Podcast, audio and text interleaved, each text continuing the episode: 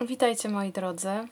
Dzisiaj jeszcze nie przychodzę do Was y, z alaskańską sprawą, chociaż obiecałam, że kolejny podcast będzie na taki temat, ale mogę Wam zdradzić taką informację, że e, kiedy zajmowałam się sprawą Sophie Sergi, to e, trafiłam na stronę alaskańskiego biura zajmującego się mm, mm, sprawami nierozwiązanymi i mogę Wam powiedzieć, że jest tam bardzo dużo nazwisk.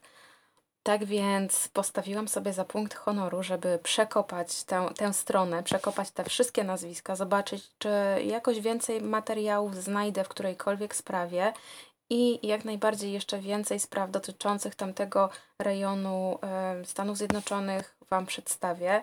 Natomiast dzisiaj Mam nadzieję, że Was nie zawiodę i podcast okaże się równie ciekawy, ponieważ będzie on um, o mężczyźnie, który przez pewien czas był na listach najbardziej poszukiwanych ludzi przez FBI. Także, żeby już bardziej nie przedłużać, powiem tylko tyle. Bardzo gorąco poproszę o komentarz dla zwiększenia zasięgu. Wiadomo dlaczego. Poproszę też o zostawienie lajka. Jeśli materiał się nie spodoba, zawsze możesz tego lajka cofnąć, chociaż mam nadzieję, że do tego nie dojdzie. E, proszę też, jeśli nie subskrybujesz mojego kanału, to to uczyń, kliknij dzwona, żebyś otrzymywał, otrzymywała wszystkie powiadomienia, a jeśli te powiadomienia tam się pojawią po kliknięciu w dzwonek, bardzo gorąco proszę o wybranie wszystkich powiadomień, bo YouTube wysyła te powiadomienia mega selektywnie. A już nie przedłużając, ja jestem Karolina, to jest 8 Podcast a przed nami historia o panu Bradfordzie Bishopie. Rodzina państwa Bishop któregoś pięknego dnia przeprowadza się na ciche i spokojne przedmieścia Waszyngtonu do miejscowości o nazwie Bethesda w stanie Maryland. Głowa rodziny, William Bradford Bishop, pracuje jako dyplomata dla jednostki zwanej United States Foreign Service, tak więc takie przeprowadzki nie są dla nich niczym niespotykanym. Rodzina mieszkała wcześniej m.in. w Afryce czy też w Europie. W skład rodziny państwa Bishop wchodzili William Bradford, jego żona Annette oraz trzech synów pary. Do nowego domu na przedmieściach Waszyngtonu niedługo po przeprowadzce dołączyła także wdowa matka Williama, pani Lobelia. Pewnego dnia, a jest to dzień 8 marca 1976 roku, z posterunkiem policji Montgomery County Police Department telefonicznie kontaktuje się bardzo mocno zaniepokojona sąsiadka państwa Bishop. Niepokoi ją to, że od około tygodnia nie widziała nikogo ze swoich sąsiadów, a chodzi o państwa Bishop. I kobieta jednocześnie prosi o sprawdzenie, czy wszystko jest aby z nimi na pewno w porządku. Państwo Bishop mieszkają pod numerem 8103 przy Lilystone Drive. Początkowo policjanci stwierdzają, że to na pewno nic poważnego, a skoro nie ma całej rodziny, to na pewno wyjechali na jakiś urlop albo na wakacje i niech się pani nie martwi, oni niebawem wrócą. No i po prostu yy, ci ludzie, państwo Bishop, nie powiedzieli swojej sąsiadce, że wyjeżdżają z miasta, no bo przecież nie musieli jej się tłumaczyć. Jednak ta pani, ta sąsiadka, nie daje się tak łatwo pozbyć i twierdzi, że państwo Bishop zawsze mówili jej, że jeśli mają plan gdzieś wyjechać, e, gdzie wyjeżdżają, ile dni ich nie będzie, kiedy wrócą. A poza tym kobieta ma klucze do domu rodziny i zawsze, kiedy państwo Bishop wyjeżdżali na dłużej, no to ona akurat zbierała ich korespondencję, czy też po prostu podlewała kwiaty. Kilka dni wcześniej, 2 marca 1976 roku, Niejaka pani Wilma Swain była w pracy na wieży strażniczej w Kolumbii na terenie Karoliny Południowej. Tak dokładnie przenosimy się na razie w całkiem inne miejsce. Kobieta ta ma bardzo dobrą widoczność ze swojej wieży na około 50 km w każdym kierunku i po jakimś czasie coś widzi widzi unoszący się dym w zadrzewionej części obszaru w odległości około 1,5 do 2 km od wieży strażniczej. Szybko porozumiewa się przez radio z Ronaldem Brickhouse, który w tamtym rejonie pełni obowiązki leśniczego. Mężczyzna ten zjawia się w miejscu wskazanym przez panią Swain około godziny 13 i kiedy nie udaje mu się przez 10 minut ugasić pożaru, decyduje, że potrzebne jest mu wsparcie, no bo sam sobie nie poradzi.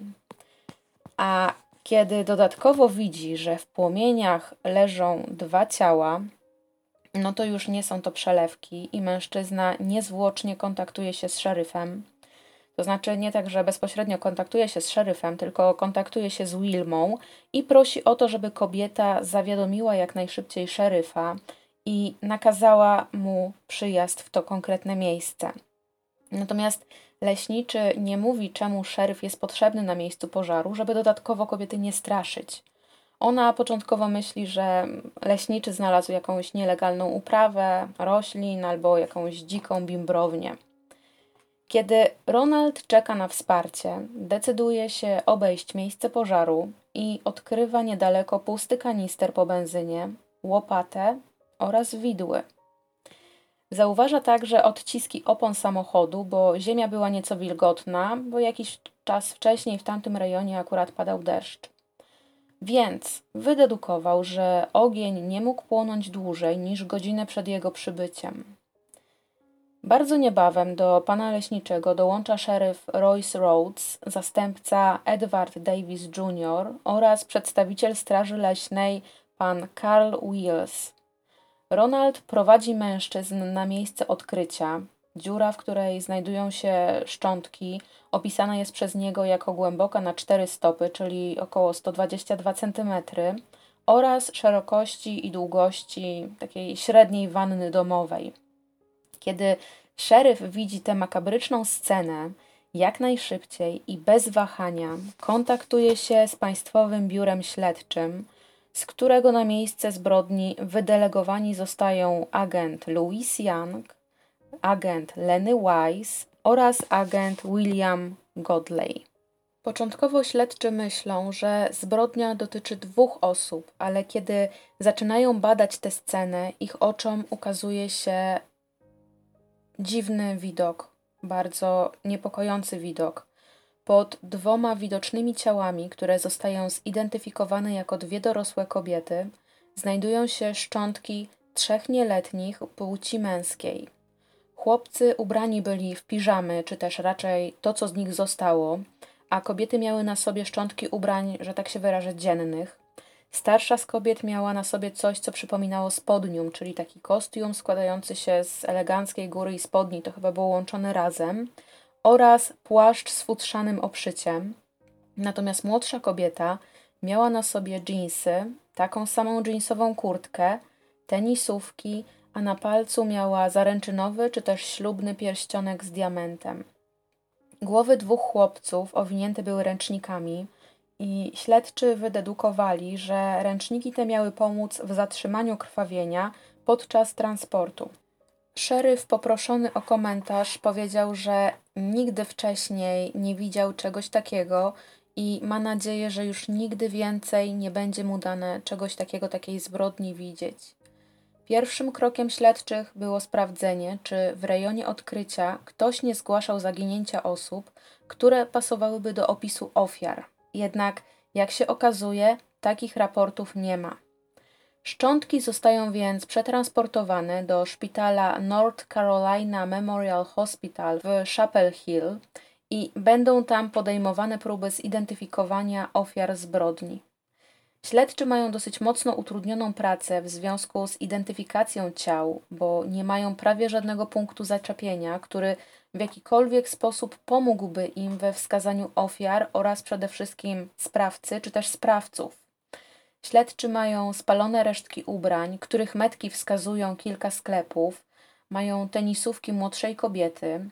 E, one pochodziły ze sklepu Hans Shoe Store E, mieli jakieś kawałki futra albo płaszcza starszej kobiety i zidentyfikowano to jako ubranie pochodzące z saksa, który mieścił się przy piątej.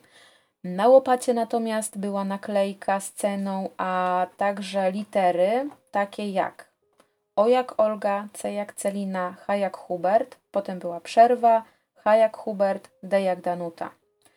Szeryf wystosował apel do lokalnej społeczności o pomoc w śledztwie, czyli jeśli ktoś posiada jakiekolwiek informacje, które mogą pomóc w identyfikacji ofiar albo sprawcy, czy też sprawców, to niech niezwłocznie zgłosi się na posterunek policji. W apelu tym wspomniał, że ofiary najprawdopodobniej nie są lokalsami, ponieważ y, tutaj zaznaczę, że to on tak uważał. Wystosował także prośbę do organów ścigania sąsiadujących stanów o przejrzenie raportów osób zaginionych ostatnio, bo być może te stany mają w swoich dokumentach informacje, które będą w stanie pomóc w jego śledztwie. Poprosił także, żeby funkcjonariusze policji skontaktowali się ze szkołami na terenie ich stanów o sprawdzenie, czy ostatnio nie zaginęło tam trzech braci. Dzień po odnalezieniu zwłok, czyli 3 marca, śledztwo jest już na pełnych obrotach. Na miejscu zbrodni pracują najlepsi śledczy.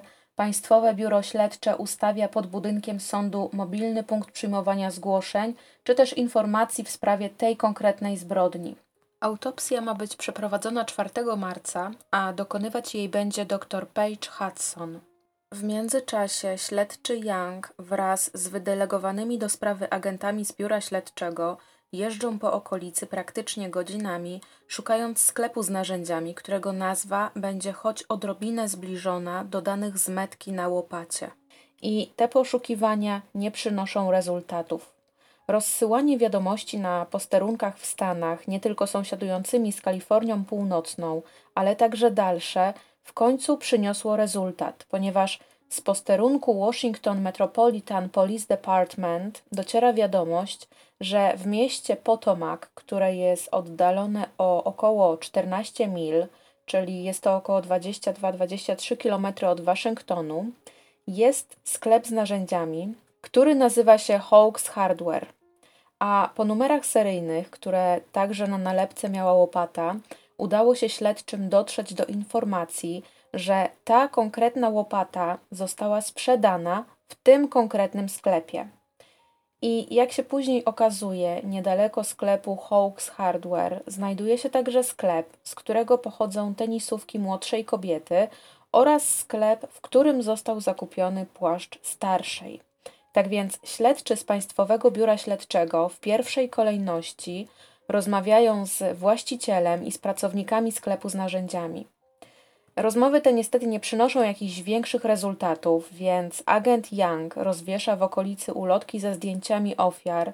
Te zdjęcia zostały wcześniej zrobione w kostnicy i uprzedzając oczywiście pytanie, jakie zdjęcia zostały zamieszczone na ulotkach, a Bethesda w której mieszkała rodzina Bishop od miejscowości Potomac, oddalona jest o około 12 kilometrów. A 8 marca na posterunek właśnie w mieście Bethesda dzwoni, jak już wiecie, bardzo zaniepokojona kobieta z informacją, że od kilku dni nie ma kontaktu ze swoimi sąsiadami. Funkcjonariusz o imieniu Joe jedzie zatem pod wskazany przez kobietę adres i na podjeździe do domu spotyka sąsiadkę. Jest to oczywiście sąsiadka państwa Bishop i kobieta wręcza funkcjonariuszowi klucze do domu. Otwiera on drzwi i wchodzi do środka. Wcześniej zauważył, że mm, w skrzynkę na listy jest wepchniętych kilka kopert, kilka wystaje, które wskazują na to, że ktoś długo nie odbierał korespondencji. Przy schodach wejściowych leżą niepozbierane gazety z ostatnich kilku dni, przy przyjrzeniu się bliżej funkcjonariusz odkrywa, że schody są pokryte kropelkami krwi. I do tego momentu policjant wierzy jeszcze, że to będzie po prostu jakieś rutynowe obejrzenie domu i skończy się y, ta interwencja uspokajaniem przewrażliwionej pani sąsiadki. Jednak kiedy otwiera drzwi wejściowe, widzi więcej kropel krwi, które wiodą w głąb korytarza, potem po schodach na piętro do głównej sypialni. Tak więc funkcjonariusz idzie zatem po śladach krwi i znajduje tam więcej i więcej rozprysków na ścianach. Joe decyduje, że to jest ten czas, kiedy musi wezwać wsparcie i on nie będzie robił w tym domu ani kroku dalej. Jednak widzi, że drzwi jednego z pokojów są lekko uchylone i przez te uchylone drzwi widzi coś, co śmiało mogłabym opisać dwoma słowami: krwawa jadka. Krew jest dosłownie wszędzie. Jest na ścianach, na suficie, y, i dla niego w tym momencie już jest jasne, że coś strasznego, jakaś rodzinna tragedia miała miejsce za tymi drzwiami. I jest to najstraszliwsza scena zbrodni, jaką kiedykolwiek danemu było widzieć podczas swojej dziesięcioletniej służby. Tak więc, póki co, wychodzi z domu i wzywa wsparcie, a dom bardzo szybko zostaje oklejony taśmą wskazującą, że to jest miejsce zbrodni. Kiedy z terenu północnej Karoliny dociera informacja o odnalezionych zwłokach, sąsiadka, która zgłosiła zaginięcie na podstawie zdjęć na ulotkach, jest w stanie pozytywnie zidentyfikować swoich sąsiadów. Są to bishopowie. Tak więc ofiarami są 37-letnia Annette Bishop, jej teściowa 68-letnia Lobilia, 14-letni William, 10-letni Brenton oraz 5-letni Jeffrey. Jeśli chodzi o ułożenie ciał w wykopanej dziurze, to ciało najmłodszego Jeffreya było tak ułożone, że część jego twarzy nie była spalona, tak więc może akurat stan tego najmłodszego chłopca pomógł zidentyfikować e, całą rodzinę albo przyczynił się w jakimś sporym stopniu. Oczywiście to sobie tylko jak dybam. Ale finalnie to, że na stole patologa leżą członkowie rodziny Bishop, oczywiście potwierdziły kartoteki dentystyczne. Natomiast może to jest ten czas, kiedy warto, żebym powiedziała cokolwiek więcej o samym Bradfordzie, który na razie ma status MEA, czyli Missing in Action. Otóż Bradford urodził się 1 sierpnia 1936 roku w miejscowości Pasadena w Kalifornii. Jego matką jest Lobilia Amaryllis oraz William Bradford Bishop Sr. Senior pracuje jako geolog, a Lobilia zawsze marzyła, żeby zostać aktorką lub światowej sławy piosenkarką. Junior jest jedynym dzieckiem swoich rodziców i uczęszcza do South Pasadena High School. Dziecko, a potem nastolatek, opisywany jest przez wszystkich, którzy tylko mają okazję go poznać, jako mądry, bardzo inteligentny, bardzo zdeterminowany młody człowiek. W szkole średniej poznaje swoją ukochaną Annette Wise. Annette urodziła się w Ohio, ale dorastała na południowej Kalifornii, na terenie południowej Kalifornii. I po zakończeniu tego etapu edukacji w 1954 roku Bradford kontynuuje naukę na Uniwersytecie Yale, a Annette wybiera Berkeley. Koledzy ze studiów opisują Bradforda jako piekielnie inteligentnego, nawet jak na standardy Yale, i młodego człowieka, który póki co gra w futbol i w przyszłości marzy, żeby zostać lekarzem. Natomiast w pewnym momencie Bradford miał porzucić naukę na cały rok, ale ostatecznie wraca w 1959. Uzyskuje tytuł licencjata z historii, magistra na kierunku międzynarodowym w Middlebury College. Inne źródła podają, że licencjat był z amerykanistyki z Uniwersytetu Yale oraz magister kierunku włoskiego z Middlebury College. Niezależnie od tych rozbieżności, Bradford posiada także tytuł magistra afrykanistyki, który zdobył na UCLA. Po ukończeniu nauki na Uniwersytecie Yale w sierpniu 1959 roku Bradford poślubia swoją ukochaną Annette i z tego związku na świat przychodzi trzech synów. Najstarszy przychodzi na świat dwa lata po ślubie, Kilka dni natomiast po ślubie Bishop zgłasza się na służbę do armii USA i przez cztery kolejne lata pracuje dla kontrwywiadu. Mówi biegle w czterech językach. Jest to język włoski, francuski, serbsko-chorwacki oraz hiszpański. Kolejnym szczeblem jego kariery jest praca dla Departamentu Stanu Stanów Zjednoczonych i służy czy też pracuje dla służby zagranicznej Stanów Zjednoczonych poza granicami Stanów. Był on oddelegowywany do Werony, do Mediolanu oraz do Florencji, gdzie pracował dla uniwersytetu. We Włoszech przebywał w latach 68-72, był także na służbie w Afryce, w Etiopii i w Botswanie w latach 72-74. W roku 71 Umiera jego ojciec. Od tego czasu Lobilia mieszka ze swoim synem i z jego rodziną. I tak jak najbardziej kobieta potem e, po śmierci swojego męża jedzie z rodziną syna do Afryki. Od roku 74 Bradford zostaje oddelegowany do pracy do Departamentu Stanu Stanów Zjednoczonych z siedzibą w Waszyngtonie. Ma tam pracować w wydziale o nazwie The Division of Special Activities and Commercial Treaties. Zatem rodzina za 100 tysięcy dolarów kupuje dom wolnostojący i osiada w mieście o nazwie Bethesda. Jak wygląda dom? W opisie filmu wrzucę Wam wszelkie linki do wirtualnego spaceru, bo wydaje mi się, że akurat dom jest e, wystawiony na sprzedaż, także będziecie sobie mogli, że tak się wyrażę, po nim pochodzić. Poza pracą rodzina państwa Bishop opisywana jest przez sąsiadów jako typowy, książkowy przykład amerykańskiej rodziny. Annette jest atrakcyjną i wysportowaną kobietą. Krótko przed śmiercią zaczyna uczęszczać na zajęcia artystyczne na Uniwersytecie w Maryland. Lubi także grać w tenisa i to z takim sukcesem, że w lokalnym klubie tenisowym miała grać niebawem w turnieju, który się zbliżał. Lobilia także jak na swoje lata była bardzo aktywną panią, nie powiem starszą, żeby się nie narazić, ale sąsiedzi bardzo często widywali 69-latkę biegającą w okolicy. Chłopcy także udzielali się w szkolnej grupie pływaków. Dodatkowo Brenton grał w drużynie baseballowej.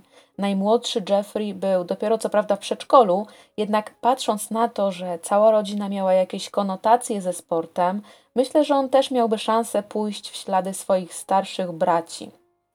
W toku śledztwa okazuje się, że pies rodziny, Leo, który był rasy Golden Retriever, zaginął. Podobnie zresztą jak samochód marki Chevrolet Malibu Kombi. Natomiast drugi samochód rodziny, Volkswagen Beetle, był zaparkowany w niedalekiej odległości od domu. Nie wiadomo też, gdzie jest 39-letni Bradford Bishop. Początkowo śledczy podejrzewali, że mężczyzna także mógł zostać pozbawiony życia razem z członkami swojej rodziny w związku z pracą, jaką wykonywał. O samym Bradfordzie sąsiedzi wypowiadają się raczej skąpo. Wiadomo, że mężczyzna, jak reszta rodziny, lubi sport, jeździ motocyklem. No i rodzina w tej okolicy mieszka dopiero od dwóch lat. Czy to jest wiele, czy niewiele czasu na poznanie sąsiadów? Ciężko jest mi się jednoznacznie wypowiedzieć. Natomiast na światło dzienne zaczynają powoli wychodzić dowody na to, że to Bradford odpowiedzialny jest za zbrodnie i narracja, jakoby mężczyzna też był ofiarą, zostaje porzucona. Dowody bowiem wskazują na to, że to Bradford pozbawił życia swoją całą rodzinę i błyskawicznie, kiedy do śledczych dociera ten fakt, zostaje wystawiony nakaz aresztowania pod zarzutem pięciokrotnego morderstwa. 9 marca w lokalnych gazetach pojawiają się informacje o zbrodni, e, o tej zbrodni, jaka została dokonana w cichej i spokojnej okolicy miasta Bethesda. Pojawiają się też informacje w detalach opisujące stan domu biszopów. Śledczy potwierdzają przedstawicielom prasy, że rozpryski i kałuże krwi zostały znalezione w czterech sypialniach na korytarzu, na schodach w domu oraz schodach wiodących z domu państwa Bishop na podjazd. Śledczy Mike McNally opisywał przedstawicielom gazety Washington Times w najdrobniejszych szczegółach scenę zbrodni. I to, co najmocniej nim wstrząsnęło, to to, że w jednej z sypialni synów na suficie widoczne były wyraźne ślady od uderzeń młota, czy też młotka, i tak, to, to były ślady, to nie był jeden pojedynczy ślad, także Bradford był bardzo zdeterminowany, żeby nikt żywy nie opuścił jego domu. W łazience natomiast pełno było odcisków palców, które zostały zidentyfikowane później jako należące do Bishopa. Tak więc te powoli wyłaniające się dowody zaczynają rysować naprawdę przerażający obraz przed śledczymi, ponieważ to właśnie Bradford Bishop jest sprawcą, jest napastnikiem, jest katem, a nie bezbronną ofiarą, która jest po prostu trudno ją znaleźć. Patolog pracujący 8 godzin ze szczątkami rodziny Bishop stwierdził, że zanim członkowie rodziny zostali wrzuceni do dołu i spaleni, zostali wcześniej zatłuczeni, a narzędziem zbrodni był właśnie młot, czy też młotek. Zbrodnia należała do tych, podczas których sprawca zastosował nadmierną przemoc i zdecydowanie za duża eskalacja tej przemocy była, niż to było konieczne. Jakkolwiek matka Bradforda otrzymała tylko taką ilość ciosów, która wystarczyła, żeby kobietę pozbawić życia, a atak na, na matkę nie nosił śladów takiej furii jak choćby atak na żonę. Patolog ocenił, że kobieta mogłaby przeżyć atak napastnika właśnie dlatego, że ciosy, jakie jej zadał jej własny syn, nie nosiły takiej, takiej, takich znamion furii. Kobieta y, raczej umarła tutaj z powodu szoku albo strachu, niż faktycznie od tych ciosów młotkiem.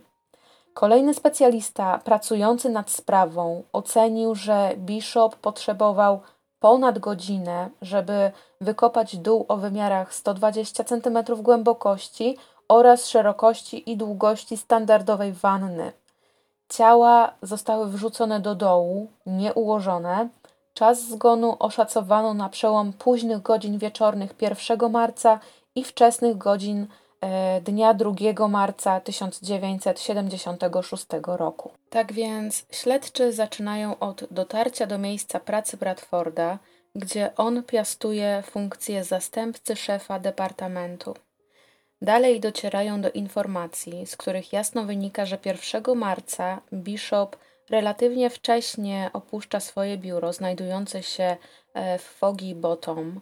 Mówi sekretarzowi, że najprawdopodobniej ma grypę i w związku z tym wychodzi wcześniej. I wcześniej, czyli godzina 17.30. Prawie wszyscy współpracownicy Bishopa zeznają, że nie zauważyli, żeby mężczyzna jakoś inaczej tego dnia się zachowywał, jednak jego przyjaciel, Roy Harold Jr., który jest z nim nieco bliżej, e, mówi śledczym, że jego współpracownik był tego dnia jakiś taki zmartwiony, przygaszony, a powodem tego zmartwienia było to, że po rozmowie ze swoim przełożonym nie otrzymał on awansu, o który zabiegał od jakiegoś czasu. Ale może to, że Roy widział zasmuconego przyjaciela, wynikało też z miejsca, w którym się minęli, a były to drzwi wyjściowe. Tak więc może Bradford nie musiał już utrzymywać tego swojego poker face i mógł pokazać na swojej twarzy te emocje, które nim targały. Kiedy Roy chciał jakoś pocieszyć przyjaciela krótką rozmową, Bradford jemu też powiedział, że nie czuje się najlepiej. I tym samym Harold jest ostatnią osobą, która widziała Bradforda w miejscu pracy. Kolejnym krokiem Bishopa było dotarcie do banku, w którym trzymał pieniądze i wypłaca tam z konta 200 dolarów. Potem jedzie do galerii handlowej Montgomery, gdzie kupuje młot i pusty kanister o pojemności około 10 litrów. Dalej dociera na stację benzynową, która to znajduje się niedaleko galerii, gdzie napełnia zarówno kanister, jak i bak swojego kombi. Potem jedzie do sklepu z narzędziami, który nazywa się Potts Hardware, gdzie kupuje łopatę i widły. Bishop miałby wrócić do domu pomiędzy godzinami 18.30 a 20.30. Tak tutaj wydedukowali śledczy. Choć w innych źródłach podawana jest informacja, jakoby powrót do domu miał miejsce między godziną 19.30 a 20.00. Chwili, kiedy mężczyzna wchodzi do swojego domu, Lobilia jest na spacerze z Leo i śledczy domniemają, że mężczyzna najpierw pozbawia życia swoją żonę. Potem czeka, aż wróci matka do domu i atakuje także ją, a także udaje się do pokoju swoich śpiących dzieci i potem każde ciało zanosi do samochodu. Psa także zabiera ze sobą, sadza na fotelu pasażera, po czym rusza w długą podróż. E, jest to podróż na 480 km w stronę terenów Karoliny Północnej, gdzie finalnie zostanie znalezione, e, gdzie finalnie zostaną znalezione ciała pięciu osób i wszystko to, ta cała akcja, ta cała zbrodnia, przepraszam, akcja to złe słowo, to wszystko miało trwać 16 godzin. Nieco ponad tydzień zajęło śledczym rozgryzienie całej historii, a do tego czasu Bradford już po prostu przepadł. Mężczyzna ma za sobą służbę w armii, ma doświadczenie pracując dla kontrwywiadu, mówi biegle kilkoma językami, jest piekielnie inteligentny i posiada paszport dyplomatyczny, co daje mu możliwość dotarcia praktycznie w każdy zakątek ziemi. Śledczy po prostu nie mają pojęcia, gdzie mężczyzna mógł przez ten tydzień pojechać. Wszystkie możliwe placówki policyjne na wschodnim wybrzeżu zostały poinformowane o poszukiwaniu Bradforda Bishopa oraz o tym, że może on być uzbrojony i niebezpieczny. 12 marca policja z Maryland uzyskuje nakaz aresztowania Bradforda Bishopa, a FBI uzyskuje taki nakaz w formacie międzystanowym. W międzyczasie śledczy przyglądają się bardzo skrupulatnie wydatkom na koncie Bradforda i z tego przyglądania się wynika, że 2 marca mężczyzna kupił parę tenisówek w Jacksonville na terenie Karoliny Północnej. John Whitley, właściciel sklepu, zeznaje, że widział Bradforda w towarzystwie jakiejś niezidentyfikowanej kobiety, która ewidentnie była z poszukiwanym mężczyzną, bo w chwili zakupu stała tak niedaleko, trzymając Leo na smyczy. Według zeznań właściciela kobieta była czarnoskóra i nosiła sukienkę. Z zachowania tej dwójki właściciel wydedukował, że mogli oni być parą. W mieście Wilmington kelnerka z lokalu Cooper Kettle Pancake zgłasza się na policję z informacją, że 3 marca mężczyzna podobny z opisu do Bradforda zjawił się w jej miejscu pracy. Według jej słów zachowywał się bardzo dziwacznie. Jeszcze zanim zaczęła go obsługiwać, dał jej napiwek w wysokości dwóch dolarów. Potem zjadł to, co zamówił, wdał się w kłótnię z kilkoma osobami. Potem znowu dał jej e, kelnerce napiwek w wysokości jednego dolara i powiedział, że musi udać się w dalszą drogę. W tym momencie już śledczy zarządzają wzmożone kontrole na lotniskach w Maryland, e, w Karolinie Północnej i na Florydzie, bo zaczynają podejrzewać, że zbieg będzie próbował wylecieć z kraju, bo jak się okazało, w domu odnaleziono paszporty wszystkich członków rodziny, za wyjątkiem właśnie tego dyplomatycznego paszportu Bradforda Bishopa. Psychiatra pracujący dla FBI, dr Herbert Clue, przyjrzał się kartotyce medycznej poszukiwanego i odkrył, że mężczyzna brał pewien lek wydawany jedynie na receptę, a odstawienie go miało powodować u niego nasilenie myśli dotyczących odebrania sobie życia. 18 marca w sprawie Bradforda następuje przełom. Strażnik leśny otrzymuje informację o porzuconym samochodzie kombi na kempingu Elkmont w stanie Tennessee na terenie parku Great Smoky Mountains. Samochód umiejscowiony jest około 640 km od miejsca odnalezienia zwłok rodziny Bishop.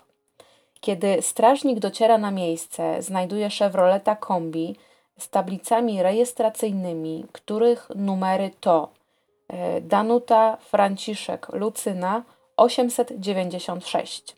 I po spisaniu numerów zaczyna zaglądać do środka samochodu i widzi tam coś, czego nie można z niczym innym pomylić, a mianowicie koc, a na nim zaschniętą krew.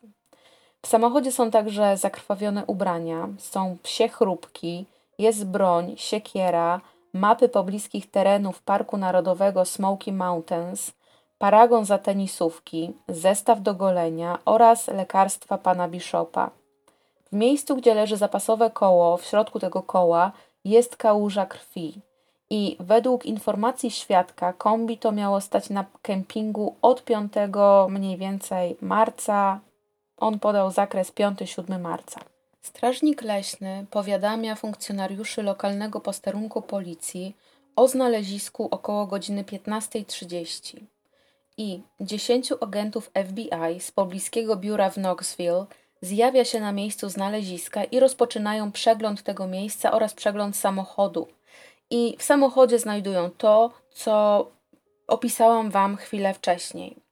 Śledczy z przeprowadzonego wcześniej wywiadu wiedzą, że Bradford jest fanem spędzania czasu na łonie natury, tak więc podejrzewają, że mężczyzna mógł zabrać z domu rzeczy, które przydadzą mu się podczas długiej wyprawy na szlak. Bo ten park narodowy, on rozciąga się na obszarze ponad 2000 km2, dokładnie to jest 2114. Śledczym w poszukiwaniach pomagały psy tropiące, ponieważ została wysnuta taka teoria, jakoby mężczyzna dołączył do wędrowców na szlaku Apalachów. Niestety jednak psy nie złapały jego zapachu. Tego samego dnia, kiedy zostaje znaleziony samochód Bradforda, ciała jego rodziny wracają do Kalifornii, aby mogły zostać pochowane. Podczas kolejnych dni śledczy dzielą się na grupy i kilometr po kilometrze przeczesują park, ciągle bez powodzenia.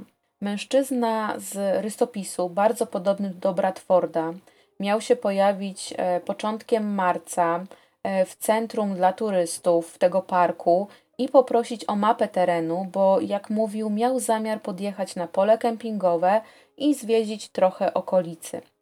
I jeden z psów tropiących faktycznie wyczuł zapach biszopa w okolicach tego właśnie centrum dla odwiedzających. 26 marca z powodu braku postępów w poszukiwaniach psy oraz śledczy, którzy przeczesywali rejon parku, zostali odwołani, a poszukiwania zostały zawieszone. Kilka tygodni później, przy jednej z odnóg strumienia przy szlaku Prong Tail, strażnik leśny znajduje grób, który jest wykopany w ziemi, z kamieniami ułożonymi na nim oraz z krzyżem zrobionym z dwóch kawałków drewna.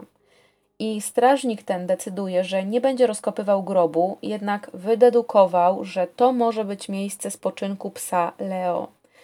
Niestety nie znalazłam tutaj informacji, czy strażnik zgłosił to swoim przełożonym, a wiem tylko tyle, że zrobił zdjęcia miejsca i grobu. Chociaż skoro my wiemy, to na pewno jego przełożeni też wiedzą. Albo w sumie my możemy to wiedzieć, bo strażnik o tym opowiedział później, ale wtedy faktycznie w momencie, kiedy znalazł ten grób, nie musiał wcale mówić o tym swoim przełożonym. Na przestrzeni lat ludzie wielokrotnie zgłaszali, że widzieli mężczyzn, którzy mieli być Bradfordem Bishopem. Jednak są trzy zgłoszenia, które dosyć mocno wskazują, że mężczyzna z tych zgłoszeń to jest faktycznie Bradford. W 1978 roku pewna kobieta zgłosiła, że znała Bradforda, ponieważ wcześniej współpracowała z nim podczas jego podróży służbowej do Etiopii i widziała go jeszcze dwa razy w parku w Sztokholmie w ciągu jednego tygodnia i była wręcz na milion procent pewna, że mężczyzna, którego ona spotkała, to jest Bradford Bishop, a nie zgłosiła wcześniej tego faktu, ponieważ wtedy nie wiedziała, że Bradford jest poszukiwany za taką zbrodnię. Według informacji, jakie ona przedstawiła, Bradford miał zapuścić brodę. Szwedzka policja zabrała się natychmiast za sprawdzanie tego tropu i śledztwo, które trwało pół roku, nie wskazało nic i nie wskazało na pewno to, żeby Bradford kiedykolwiek był w Szwecji przynajmniej drogą oficjalną. Drugie zgłoszenie o aktywności Bishopa pojawiło się rok później. Mężczyzna miał być widziany przez byłego kolegę z Departamentu Stanu, tego właśnie przyjaciela, Roya Harolda Jr., o którym mówiłam Wam już wcześniej. Do spotkania dwóch mężczyzn miało dojść w toalecie w Sorrento we Włoszech. Roy najpierw dłuższą chwilę przyglądał się nieznajomemu, po czym stanął z nim twarzą w twarz, ten mężczyzna drugi był brodaty i zapytał go, czy on jest Bradfordem Bishopem.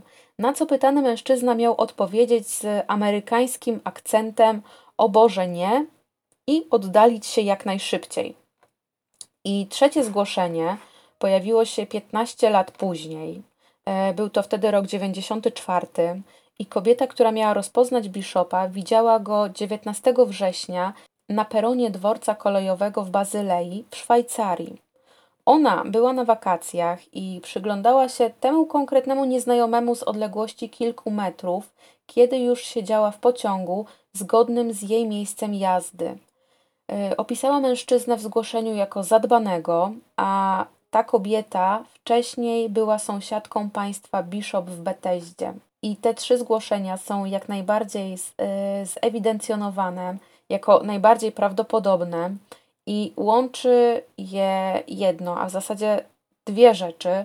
Pierwsza rzecz to jest to, że wszystkie pochodzą spoza terytorium Stanów Zjednoczonych, a druga rzecz jest taka, że wszystkie trzy osoby zgłaszające miały styczność albo znały Bradforda Bishopa. Nigdy nie odnaleziono paszportu Bradforda, e, nie odnaleziono portfela oraz narzędzia, którym dokonał zbrodnię. Jednym z domysłów było to, że on sobie odebrał życie gdzieś na terenie Parku Narodowego Great Smoky. E, drugie jest takie, że wykorzystał tydzień przewagi i wyleciał poza terytorium Stanów Zjednoczonych. A może w sumie wcale nie wyleciał, może mógł siedzieć gdzieś pod nosem FBI przez wszystkie te lata, może nadal siedzi. E, miał on przecież odpowiednie zdolności, miał odpowiednie umiejętności, miał środki, by zorganizować sobie całkiem nowe życie.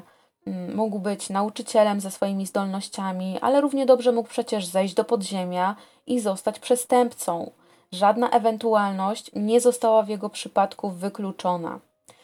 FBI umieściło na swojej liście Szwecję, Włochy, Kalifornię jako miejsca potencjalnego pobytu Bradforda. W roku 2010 władze ujawniły, że przed zbrodnią Bishop korespondował z pewnym osadzonym w więzieniu federalnym, który nazywał się Albert Kenneth Bankston. Mężczyzna ten odsiadywał swoją karę w więzieniu w Marion, a jako adres, na który ten mężczyzna miał odsyłać korespondencję, Bishop podał adres swojego biura. I ostatni list, jaki wysłał Albert Kenneth 16 e, dni po zbrodni, wysłał ten list, właśnie dotarł na ten adres. Skazany natomiast nie miał kompletnie pojęcia, że doszło do tej zbrodni i że Bishop jest poszukiwany. Bradford chciał zatrudnić strzelca, a ten osadzony wydawał mu się idealnym do tego i w zamian za wykonanie misji Bishop miał załatwić strzelcowi nowy paszport. Bankston zmarł w roku 83, a dopiero 10 lat później organy ścigania odkryły jego powiązanie z Bishopem.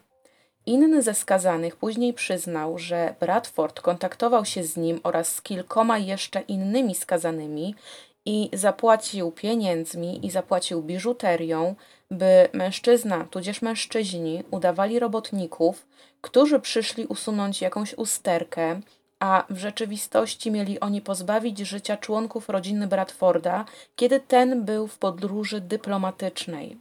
Miało się to wydarzyć w momencie, gdy Bishop miał zaplanowany wylot do Genewy, a ten wylot miał zaplanowany między 27 stycznia a 6 lutym 1976 roku. W 2014 roku FBI ekshumowało szczątki pewnego niezidentyfikowanego mężczyzny, który bardzo mocno przypominał Bradforda, co zresztą właśnie możecie zobaczyć na zdjęciu. I dla osób, które słuchają mnie na pozostałych platformach, czyli Spotify, Apple, tudzież Google Podcast, to mężczyzna jest naprawdę bardzo podobny, tyle mogę powiedzieć, do Bradforda Bishopa.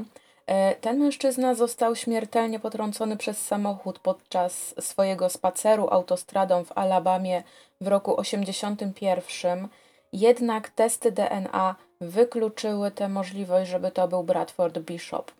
Dzięki odciskom palców udało się też wykluczyć dwóch mężczyzn e, z bycia Bradfordem Bishopem, jednego w Chinach, drugiego na terenie Francji. Mężczyźni w chwili pobierania im odcisków palców byli już martwi. Tak tylko dodaję gwoli ścisłości. Nadal w tym samym 2014 roku pewna artystka współpracująca z FBI Pani Karen Taylor stworzyła rzeźbę progresji wiekowej tego, jak mógłby wyglądać Bishop w wieku około 77 lat. I na podstawie tej rzeźby zostało stworzonych kilka alternatywnych progresji, żeby pokazać, jak Bradford mógłby wyglądać w okularach, z brodą czy z zarostem. Samo FBI zaczęło przychylać się do takiej teorii, że Bradford Bishop ukrywał i ukrywa się latami gdzieś pod samym nosem biura i żyje tak, żeby nie było potrzeby podczas jakiegoś ewentualnego wykroczenia pobierać mu odcisków palców. 10 kwietnia 2014 roku William Bradford Bishop zostaje dodany do listy 10 najbardziej poszukiwanych przez FBI zbiegów. Jednak ponad 4 lata później, bo 27 czerwca 2018 roku, zostaje z tej listy usunięty. Powodem miała być potrzeba zastąpienia 81-letniego wtedy Bradforda Bishopa bardziej niebezpieczną osobą. Natomiast jeśli Bradford nadal żyje, to ma około 83-84 lata, jest poszukiwany za pozbawienie życia swoją rodzinę, pozbawienie życia z premedytacją i za jego głowę wyznaczona jest nagroda 100 tysięcy dolarów. Teraz postaram się odpowiedzieć na pytanie, które ciśnie się Wam mm, na myśl. Czemu, dlaczego, co skłoniło mężczyznę do popełnienia tak okrutnej zbrodni? Bo kiedy czytałam pierwszy raz tę historię, pomyślałam sobie sama, ja w ogóle, co tu się, co tu się wydarzyło, czemu do tego w ogóle doszło I no po prostu e, powiem tak, swoimi słowami, mózg mi trochę wyrwało, ale spróbujemy w tym momencie razem trochę zegzaminować osobę Bradforda Bishopa i proszę nie denerwujcie się poloniści i językowi puryści. Wiem, że nie ma takiego słowa jak zegzaminować, ale e, użyłam go po prostu na potrzeby tego podcastu. Więc jeśli chodzi o Bradforda Bishopa, to największym strachem, lękiem i jego fobią to było to, że na zawsze już będzie przyspawany do swojego biurka w Departamencie Stanu. Mężczyzna był typem takiego człowieka, który woli pracować w terenie i obawiał się tego, że kiedy już zasiądzie za tym biurkiem, to stanie się takim właśnie biurokratycznym urzędnikiem, jakim zawsze pogardzał. Roy Harold Jr., przyjaciel Bradforda, w kilku wywiadach, których udzielił jakiś czas później, powiedział, że jego współpracownik miał kompleks niższości, ale za to ogromne ego. I nie pomagały tutaj ani matka, ani żona, które regularnie mówiły mężczyźnie, że w swojej karierze doszedł już do takiego punktu, że już nic więcej nie osiągnie. On po prostu znalazł się w ślepej uliczce, w ślepej uliczce swoich możliwości, y, bo miał za małe umiejętności, żeby pójść wyżej, y, co niejako w głowie Bradforda mogło się potwierdzić przez to odrzucenie jego kandydatury na wyższe stanowisko, a opcja degradacji, no to tutaj no, no nie było takiej możliwości. Może też nie miał możliwości zostać przeniesiony do jakiegoś działu, gdzie mógłby e, mieć, być delegowany do innych, e, do innych miejsc. Więc czy pozbawienie życia żony i matki było takim uciszeniem swoich krytyków? Jeśli tak, to czemu zdecydował się pozbawić życia także swoich synów? Z kilku źródeł wynika także, że rodzina biszopów borykała się z kłopotami finansowymi i w zależności, któremu źródłu będziemy wierzyć, kłopoty te opisywane były od niewielkich przejściowych do konkretnej dziury w budżecie domowym. W 2013 roku w artykule w gazecie Bethesda Magazine można było przeczytać, że IRS skontrolował wydatki rodziny jednak z drugiej strony wykonanie takiego audytu nie zostało potwierdzone przez samą jednostkę ani przez samo FBI. Jednostki jednak nie zaprzeczyły, że audyt się nie odbył. Czyli tak, na wypadek, gdybym trochę zamotała, to jednostki ani nie potwierdziły, ani nie zaprzeczyły, że taki audyt się odbył. W 1976 roku wiadomo, że Bishop zarabiał 25 962 dolary rocznie, co w dzisiejszych czasach przekłada się na kwotę 297 tysięcy dolarów rocznie. Tak więc rodzina państwa Bishop mogła mieć jakieś niewielkie kłopoty finansowe, biorąc pod uwagę w jakim domu mieszkali i w jakiej okolicy, gdzie z jednej wypłaty Bradford musiał opłacić prywatne szkoły swoich dzieci, dodatkowe zajęcia, na jakie uczęszczała jego małżonka, plus zajęcia sportowe tej kobiety. I nie chcę, żebyście zrozumieli mnie źle. Nie obciążam Anet tym, że nie pracowała, bo mogę tylko podejrzewać, że między nimi był taki klasyczny układ, czyli mężczyzna pracuje i utrzymuje rodzinę, a kobieta zajmuje się domem. No i mogę się domyśleć, że Bishopowi się to nie podobało, że dodatkowa aktywność żony wiąże się z ekstra wydatkami i nadszarpnięciem domowego budżetu, a może Bradford był też tak zwanym bucem, któremu nie podobało się, że jego żona się rozwija. Niestety, gdzie leży prawda, tego już się nie dowiemy. Dodatkowo na linii mąż-żona też dochodziło do spięć pod kątem pracy, bo Bradford chciał podróżować i pracować tak jak wcześniej, czyli w różnych krajach świata, zwłaszcza, że bardzo mu się podobało we Włoszech. Natomiast Anet chciała już osiąść w jednym miejscu na stałe, no i mieć taki komfort zapuszczenia korzeni. Napięcia miały być też na linii matka-syn, choć tutaj już nie tak ostre jak w przypadku żony. Po zbrodni, jakiej dopuścił się Bradford, na światło dzienne zaczęła wypływać jego dokumentacja, z której jasno wynikało, że mężczyzna korzystał z pomocy psychiatry od czasów studiowania na UCLA, czyli między rokiem 70 a 71. Oczywiście chodzi tutaj o dokumentację medyczną. Wizyty miały być związane rzekomo z huśtawką nastrojów oraz problemami ze snem. W roku 72 ponownie zjawił się u lekarza z bólem pleców, jednak doktor nie mógł znaleźć przyczyny dolegliwości i określił, że ból ma podłoże psychosomatyczne. I ten lekarz odesłał go do swojego kolegi psychiatry. Podczas pobytu w Botswanie w tym samym roku Bradford nadal narzekał na ból pleców i w związku z tym chodził do lekarzy i jak najbardziej informował o tym, że dolegliwości się pojawiły już u niego wcześniej. W 1974, kiedy Bishop wrócił do Stanów, zaczął chodzić do kolejnego psychiatry i tym razem lekarz przepisał mu lek, który miał pomóc mężczyźnie w walce z bezsennością, z depresją i z niepokojem. Natomiast lek ten ma bardzo długą listę skutków ubocznych, z których jedną jest amnezja, problemy z pamięcią, problemy z koncentracją, drgawki, problemy ze snem, zmiana nastrojów.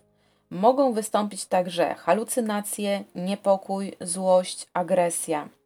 A Bradford lubił sobie czasem wypić szklaneczkę szkockiej albo białego wina, a ten lek zmieszany z alkoholem no nie tworzył najlepszej kombinacji, bo dodatkowo mogły się u niego pojawić trudności z oceną sytuacji, zawroty głowy, senność czy problem z koncentracją. Krótko po tragedii w domu Bishopów, psychiatra, który przepisał Bradfordowi ten lek, zamknął swoją praktykę i wrócił do służby w wojsku. Pytany o dyplomatę nigdy nie odpowiadał na te pytania, zasłaniając się tajemnicą lekarską. Mówił też, że jeśli Bishop kiedykolwiek wróci, to może go pozwać. Psychiatra ten zmarł w 2005 roku, tak więc ewentualną tajemnicę zabrał ze sobą do grobu. Natomiast Bradford Bishop prowadził pamiętnik, który za grosze na pchlim targu nabyła pewna kobieta w 2000 roku w Greensboro na terenie Karoliny Północnej. Kiedy tylko kobieta zobaczyła, czyj pamiętnik udało jej się zakupić, niezwłocznie skontaktowała się z policją. I to, co śledczy zauważyli, to to, że wraz z postępem czasu pismo Bishopa stawało się coraz bardziej nierówne, chaotyczne Mężczyzna opisywał w pamiętniku swoje problemy z zasypianiem, swoje wahania nastrojów, raz pisząc o sobie, określając się najbardziej negatywnymi przymiotnikami, innym razem o tym, że chciałby być bardziej pewny siebie i oddać się mocniej miłości, mocniej kochać swoją żonę. Pod koniec zapisków, które datowane są na 71 rok, w jednym z wpisów jest zadowolony z tego, jak wygląda jego rodzina, jednak z drugiej strony nie do końca jest zadowolony z tego, w jakim punkcie się znajduje on. I dziennik zakończony został zdaniem: Bezsenność sprawia, że jestem słaby. FBI po jakimś czasie od zbrodni wydało oświadczenie, w którym Bradford został przez nich opisany jako zadufany w sobie, zdolny do nagłych, gwałtownych wybuchów złości.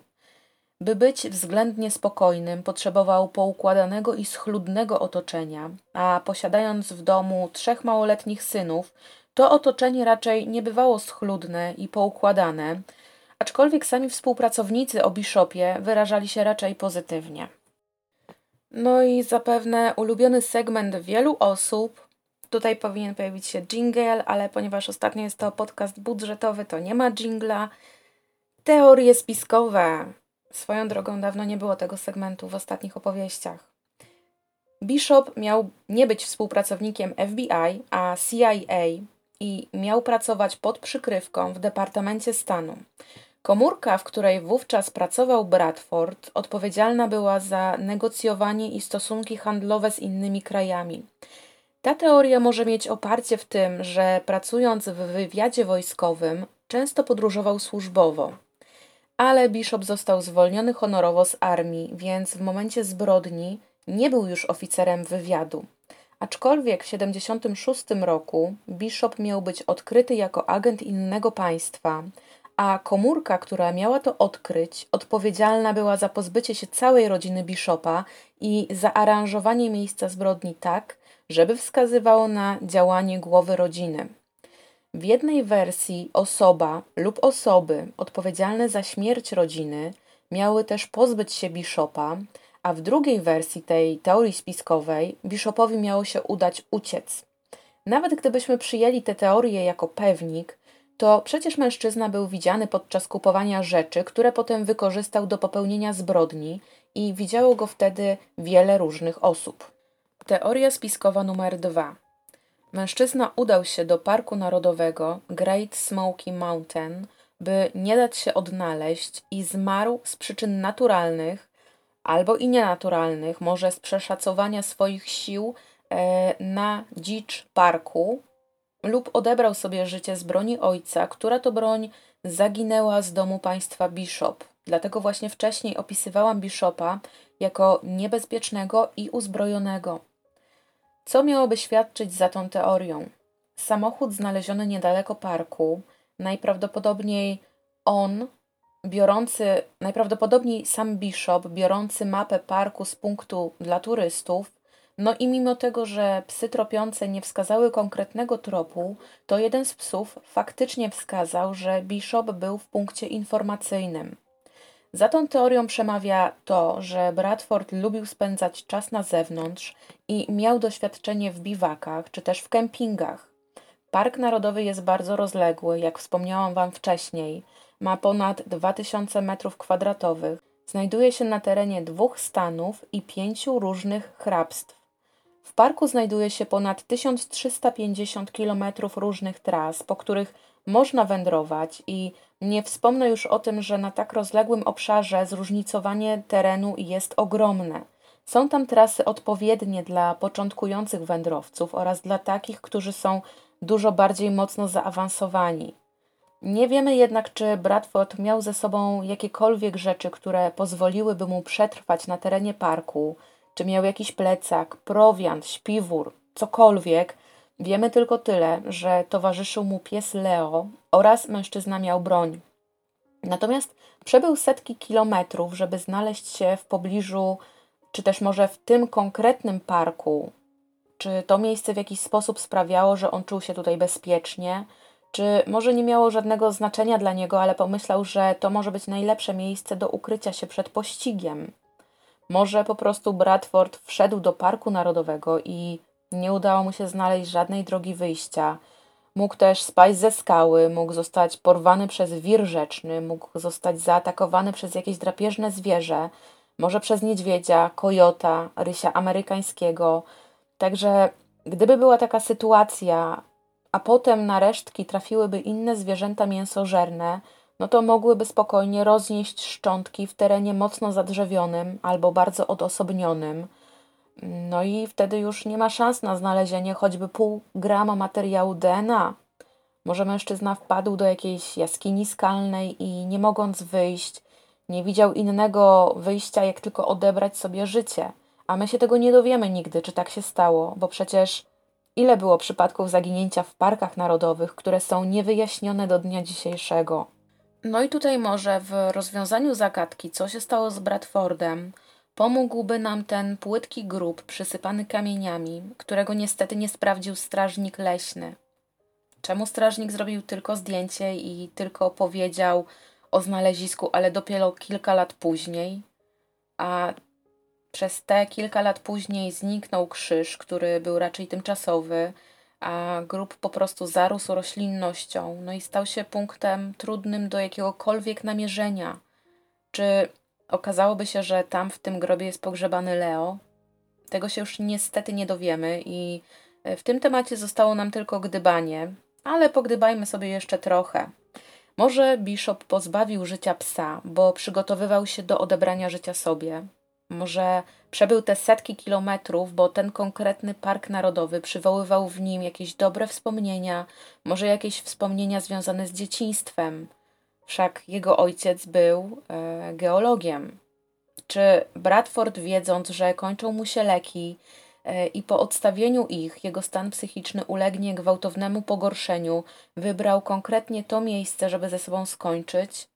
No i może rzeczy nigdy nie zostały odnalezione, czyli paszport, broń i portfel, bo zostały pochowane w grobie razem z Leo, a my się nigdy już tego nie dowiemy, ponieważ strażnik leśny zdecydował się zataić ten fakt odnalezienia grobu.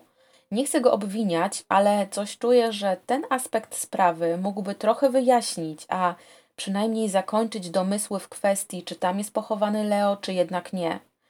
A, no i jeszcze jedna kwestia, bo mimo, że Bishop zostawił łopatę w samochodzie, to mógł grób dla Leo, który był raczej płytki, wykopać rękami albo przy użyciu jakichś kamieni, a nie wziął łopaty ze sobą, no bo nie planował pieska jednak uśmiercać. W porównaniu z poprzednią teorią, no to ta teoria wydaje mi się lepsza, znaczy bardziej taka solidniejsza, mająca rację bytu i jest chyba bardziej wiarygodna. Teoria numer 3. Bradford Bishop uciekł ze Stanów Zjednoczonych. Mężczyzna podczas swojego życia był w kilku miejscach w Europie, jak i w Afryce. Znał biegle kilka języków. Na przestrzeni lat mógł poznać wielu ludzi w tych różnych zakątkach świata. Tak więc dla mnie jest dosyć prawdopodobne, że miałby jakiś kąt do przyczajenia się i przeczekania tych poszukiwań. Albo po prostu zawczasu przygotował sobie nowy paszport, nową tożsamość i wyleciał do Europy, żeby tam mógł zacząć nowe życie. Może kiedy Bradford znalazł się na terenie na przykład Europy i skończyły mu się pieniądze, celowo chciał zniknąć w tłumie i stał się bezdomnym człowiekiem, bez pieniędzy, bo bądźmy szczerzy, wiem, że to zabrzmi bardzo źle, ale na osoby bezdomne większość ludzi nie zwraca uwagi. Na to, jak wyglądają, na to, co mają na sobie, choć z drugiej strony Bradford miał umiejętności, które pozwoliłyby mu prowadzić po prostu zwykłe, normalne życie jakiegoś pracownika szczebla, nie wiem, na przykład ekonomicznego.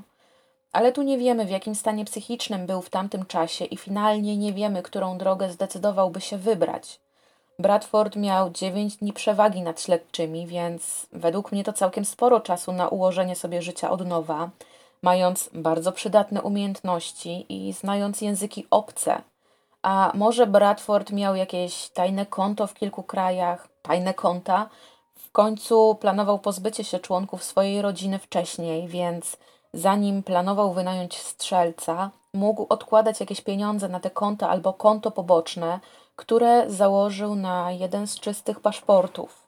Bardzo prawdopodobnym jest, że krajami, w których mógł się ukrywać, mogła być Europa i Afryka, bo w tych lokacjach dwóch mieszkał kilka lat tak więc zdążył poznać y, gruntownie dosyć zwyczaje lokalsów. Dyplomata mówiący kilkoma językami to nic nadzwyczajnego, ale dyplomata po przeszkoleniu wojskowym i kontrwywiadowczym, no to tutaj zapala się już jakaś taka lampeczka ostrzegawcza.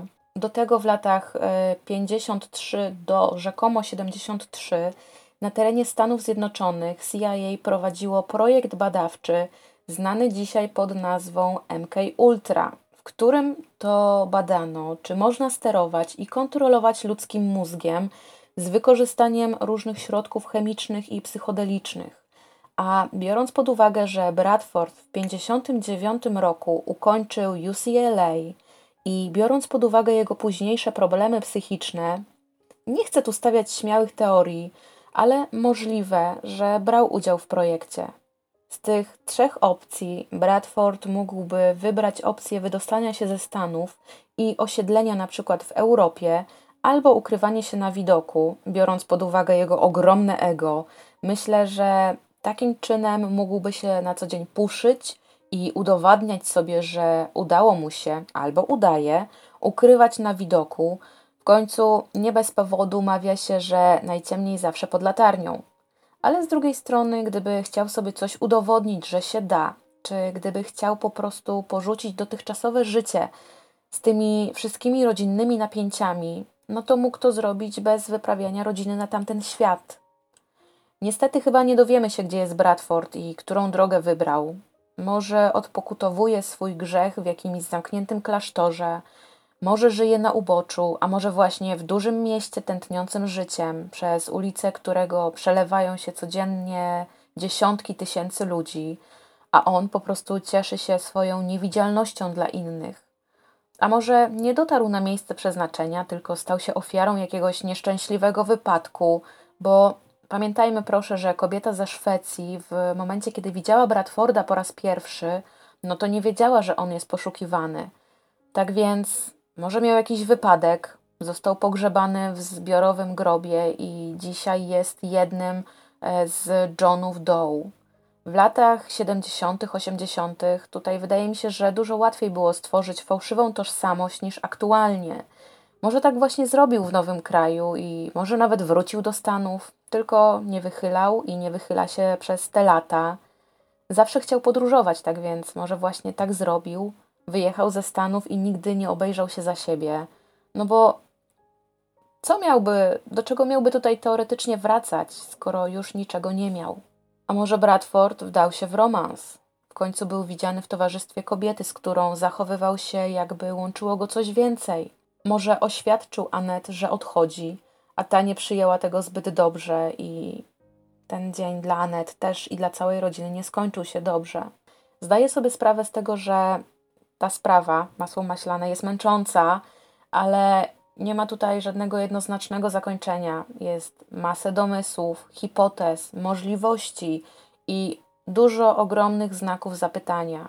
A do tego tłem tej całej akcji, tej sytuacji jest y, wielka agencja, wielkie agencje, y, jest kontrwywiad, wojsko i na posypkę mamy jeszcze program MK Ultra. Chętnie poczytam Wasze teorie w tym temacie. Może jest jeszcze jakaś inna opcja, której ja nie widzę i jest jeszcze bardziej prawdopodobna. Dajcie znać, a póki co dziękuję Wam bardzo serdecznie za wysłuchanie i zapraszam za tydzień do wysłuchania kolejnej historii, bo jak wiecie, dodaję podcasty weekendowo, czyli sobota, niedziela, godzina 17 i są to naprawdę świetne opowieści. Dziękuję Wam za wysłuchanie i do usłyszenia niebawem. Trzymajcie się cieplutko. Aha, nie byłabym sobą, gdybym nie dodała jeszcze jednego postscriptum. Trafiłam też ostatnio na stronę e, FBI z najbardziej poszukiwanymi ludźmi na świecie, więc jest szansa, że serię z Alaski będę przeplatać takimi właśnie tematami. I dajcie znać w komentarzach koniecznie, co na ten temat myślicie. I niech to będzie traktowane jako komentarz dla zasięgu. Czy taka seria e, topka najbardziej poszukiwanych ludzi przez FBI też gdzieś tam by Wam siadła na ucho?